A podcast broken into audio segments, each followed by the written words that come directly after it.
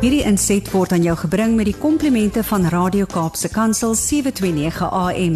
Besoek ons gerus by www.cape pulpit.co.za. Goeiemôre Almarie, good morning Brad en goeie goeie dag aan elkeen wat luister. Wat 'n lekkerte. Wat 'n voorreg om weer hierso 'n paar minute te kan tyd maak om net te bedink wat die Here alles vir ons wil leer deur bome. Ons het die voorreg om te kyk na bome in ons lewe, bome in die Bybel, bome in die taal en in die teorie, bome in die geskiedenis en in die nuus en ook um, in bome in ons lewe. En ek wil weer eens die uitnodiging rig aan elkeen wat luister. As daar 'n boom is wat in op 'n spesifieke manier ehm um, deur die Here gebruik is om jou lewe te raak. Jy is baie welkom om 'n WhatsApp of 'n e-pos vir Brad te stuur. Hy sal dit vir my forward en dan sal ek dit definitief oorweeg om dit deel te maak van een van ons volgende gesprekke se agtergrond. Dit sal vir my 'n groot voorreg wees om van jou te hoor. Ehm um, ek sit hierso in die ateljee en ek dink terug oor bykans 10 jaar. Uh, Kaapse Kansel het uh, net so 'n paar maande terug hulle 10 jaar verjaarsdag gevier. En ehm um, net so om en by 6 maande nadat Kaapse Kansel uh, op die lug gekom het, het die stasiebestuurder op daai stadium Linda Bruce het haar ehm um, programbestuurder vir Alida om vir my te kontak. En Alida het gevra of, of ek nie so een of twee insetsels sal maak rondom gebed nie. En die gedagte sou gewees het dat ehm um, ek dalk so uh, een of 'n paar opnames sou maak en dit dit sou die begin en die einde gewees het daarvan. En daardie ehm um, oorspronklike kontak het gelei tot weeklikse foonoproepe. Aan die begin was dit ehm um, Alida en Lukie wat my gebel het en vir baie jare het Lukie altyd sulke sulke indringende vrae gevra en as hy my dan vra dan antwoord ek hom en dan was dit so 'n waardevolle gesprek op die foon gewees. Uh later is Alida weg en later is Lukie weg en Brad het um hulle skoene so mooi kom vol staan agter die mikrofoon.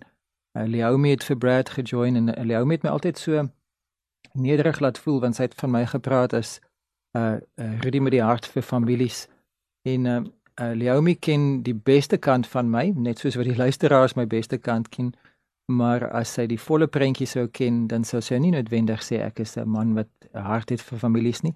Maar die Here wat die volle volle prentjie ken, weet ook dat ehm um, dat hy ken my deur en deur en hy hy sê dat hy's nog nie klaar met my nie. So wat 'n wat 'n voorreg dat die dat die een wat my die beste ken, my ook ten volle aanvaar, maar ook sê um he ain't finished with me yet. Hy is nog besig met my met met my pad. Wat 'n voorreg. Nou um toe um uh Leomi toe nou aanbeweeg het en Almeri um kom uh nou weer haar plek kom inneem met agter die mikrofoon. Toe was dit nou net mooi 'n jaar gelede met Paas naweek dat um, ek soos wat ek in 'n vorige gesprek genoem het 'n wonderlike belewenis gehad het met die Heilige Gees wat my aangeraak het in my emosies En ehm um, toe ek gevoel ek wil daardie getuienis kom deel sommer hier in persoon in die ateljee en toe het ons dit lewendig uitgesaai. En uh, toe ek na die tyd luister na die podcast en ek vergelyk dit met die klank van die podcasts wat ek maak wanneer ek dan nou op my foon praat wat ek gewoonlik altyd vanuit Jack Miller Park hier so in die noordelike voorstede gedoen het toe besef ek net dat dit wat ek sê het nogal waarde en dit dit is dis nodig om gehoor te word. En as dit nodig is om gehoor te word, dan is dit ook nodig om duidelik gehoor te word. En toe besef ek net dat die klank is soveel beter as ek dit hier in die ateljee kom opneem. So dit is nou bietjie meer as 'n jaar terug wat ek dan nou so elke tweede Vrydag hier inskuif agter die mikrofoon in en uh, twee opnames maak en dan stuur uh Brad en Elmarie dit met soveel vrymoedigheid uh op die regte tyd in die regte tyd geleef uit sodat dit ehm um, dan nou gehoor kan word. En dit is gee dan nou vir elkeen net so 'n bietjie van 'n backstory van van hoe dit is dat jy nou vandag na my luister. Jy luister na my in die hoedanigheid van een van drie kategorieë. Die toevallige luisteraar wat net as gevolg van toeval vir die eerste en moontlik die enigste keer nou na Kaapse Kansel luister. En dan wil ek jou aanmoedig, moenie dat dit die enigste keer wees nie. Laat dit die eerste van vele kere wees. Dan is daar die af en toe luisteraar wat elke nou en dan soos wat jou rotine dit toelaat of soos wat die omstandighede dit moontlik maak, dan nou van tyd tot tyd net inklok en dan sekere tye sekere programme hoor en dan nou weer op 'n op 'n week, 'n maand of 'n seisoen later dan nou weer die volgende een luister. En dan is daar die derde kategorie waarvan ek nou 'n paar begin leer ken. Dit is die wat feitelik nooit 'n program mis nie. Wat wat meeste van die tyd die voorreg het om daagliks te luister. En uh, soms dan is ek in daai kategorie dat ek dan nou ook voel, mens voel amper dislojaal as jy nou net dan nou nie luister nie. Jy voel amper jy jy gaan 'n 'n vriend te nakom as jy dan nou nie jou teenwoordigheid gee as luisteraar nie. En as jy in daai kategorie val, dan wil ek net vir jou sê min mense sal weet van jou, jy weet van jou, maar ek wil net vir jou sê die Here weet van jou.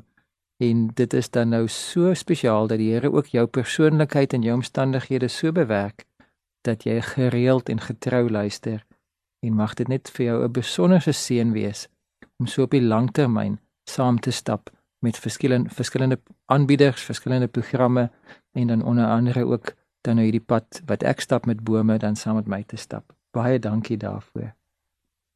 Nou hierdie lang inleiding bring my dan nou by 'n punt waar ek wil uh, nog so 'n bietjie die gordyne agtertoe skuif en sê dat meeste van die kere as ek um, voorberei vir um, my volgende twee opnames dan is dit of um, spontaniteit of inspirasie of nuuskierigheid of dan spesifiek die Heilige Gees maar dit is gewoonlik so in die uh, 72 uur voordat ek die opname maak wat my gedagtes so bietjie begin in lyn kom en dit is dan nou um, redelik lukraak of spontaan of on a whim uh so net soos wat my um my gedagtes my lei wat die temas dan nou kom.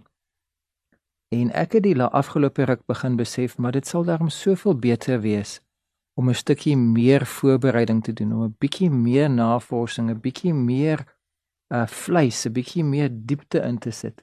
En dan sal ek bietjie meer as 72 uur voordat ek my opname maak moet begin dink daaroor want soms is daar bietjie regtig in diepte navorsing nodig of miskien selfs 'n bietjie gaan dat ek moet gaan kers opsteek by van my vriende by die botaniese vereniging of uh, ander mense wat kenners is rondom bome.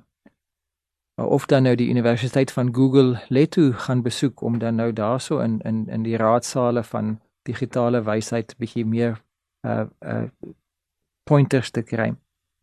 En toe wonder ek nou is dit nou beter om spontaan en op die ingewing van die oomblik vars te wees en of is dit nou beter om gestruktureerd en beplant en met 'n langtermyn plan te werk dat ek vir die volgende 18 maande my temas uitwerk?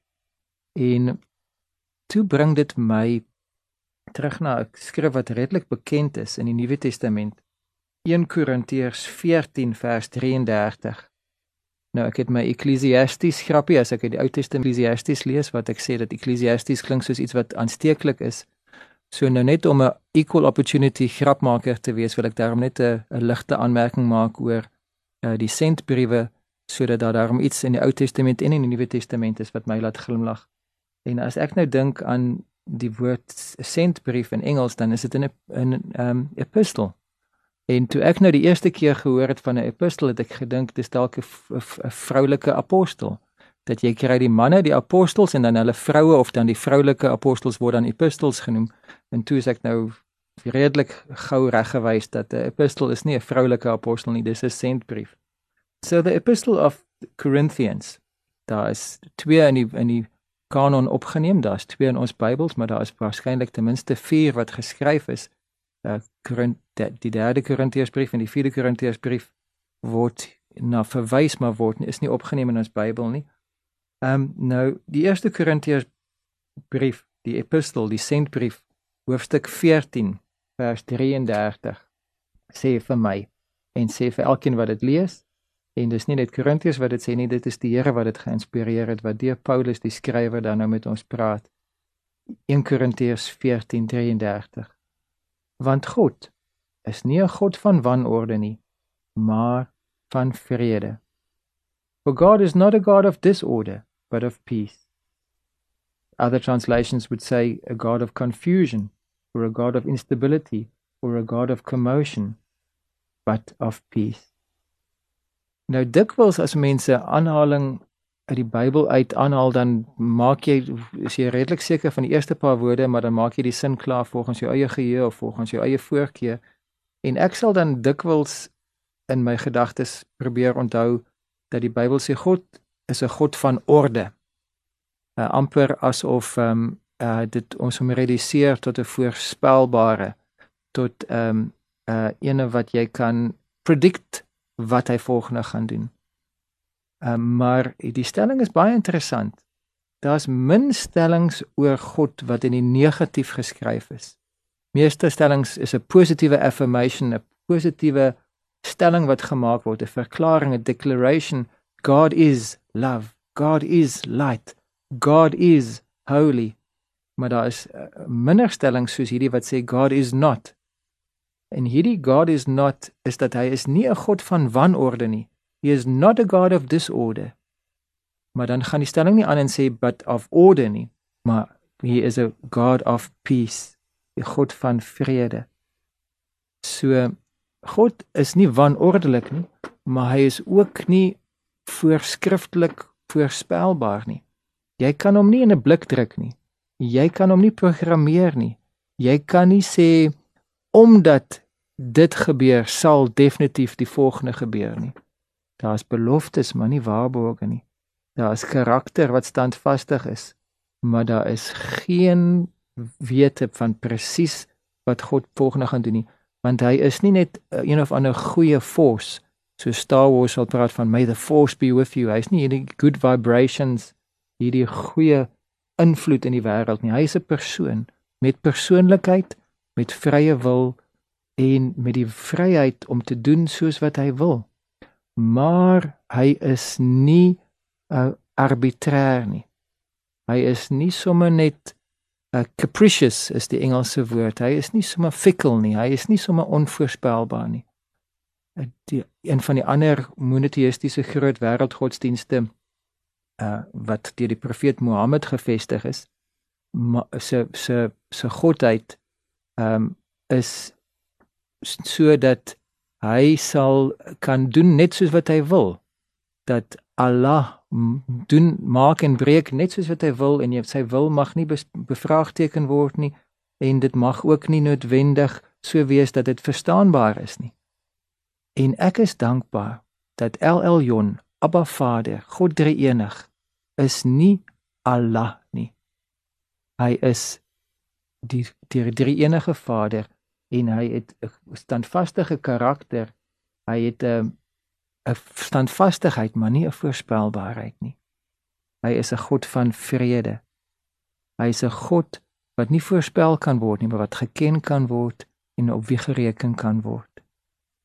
En op 'n klein manier, as ek dan nou orde bring in my beplanning oor my praatjies van bome in komende weke en maande, dan reflekteer ek 'n deel van sy ordelike karakter maar op 'n ander manier as ek dan spontaan en in die ingewing van die oomblik nog iets sê wat nie beplan is nie dan weer kaats ek iets anders van sy vryheid en sy vrymoedigheid en sy spontaniteit.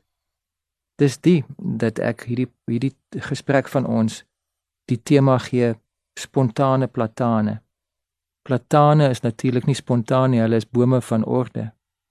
Maar hulle is nie voorspelbare vye nie vye is voorspelbaar want daar kom 'n tyd wanneer hulle die die seisoene se draai verander. Jesus het juis verwys na hulle en gesê kyk na die vye boom vir die seisoene.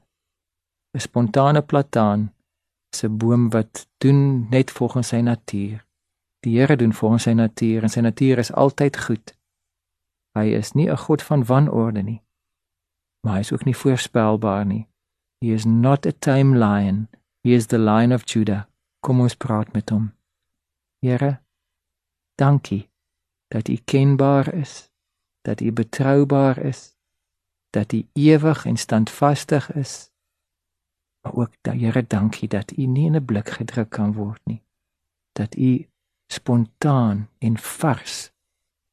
Your mercies are new every morning. Daar's altyd iets nuuts om te leer van U. Dankie dat ons osself kan oopstel vir U spontaniteit. In Jesus naam. Amen. Thank you. Hierdie inset was aan jou gebring met die komplimente van Radio Kaapse Kansel 729 AM. Besoek ons gerus by www.cape pulpit.co.za.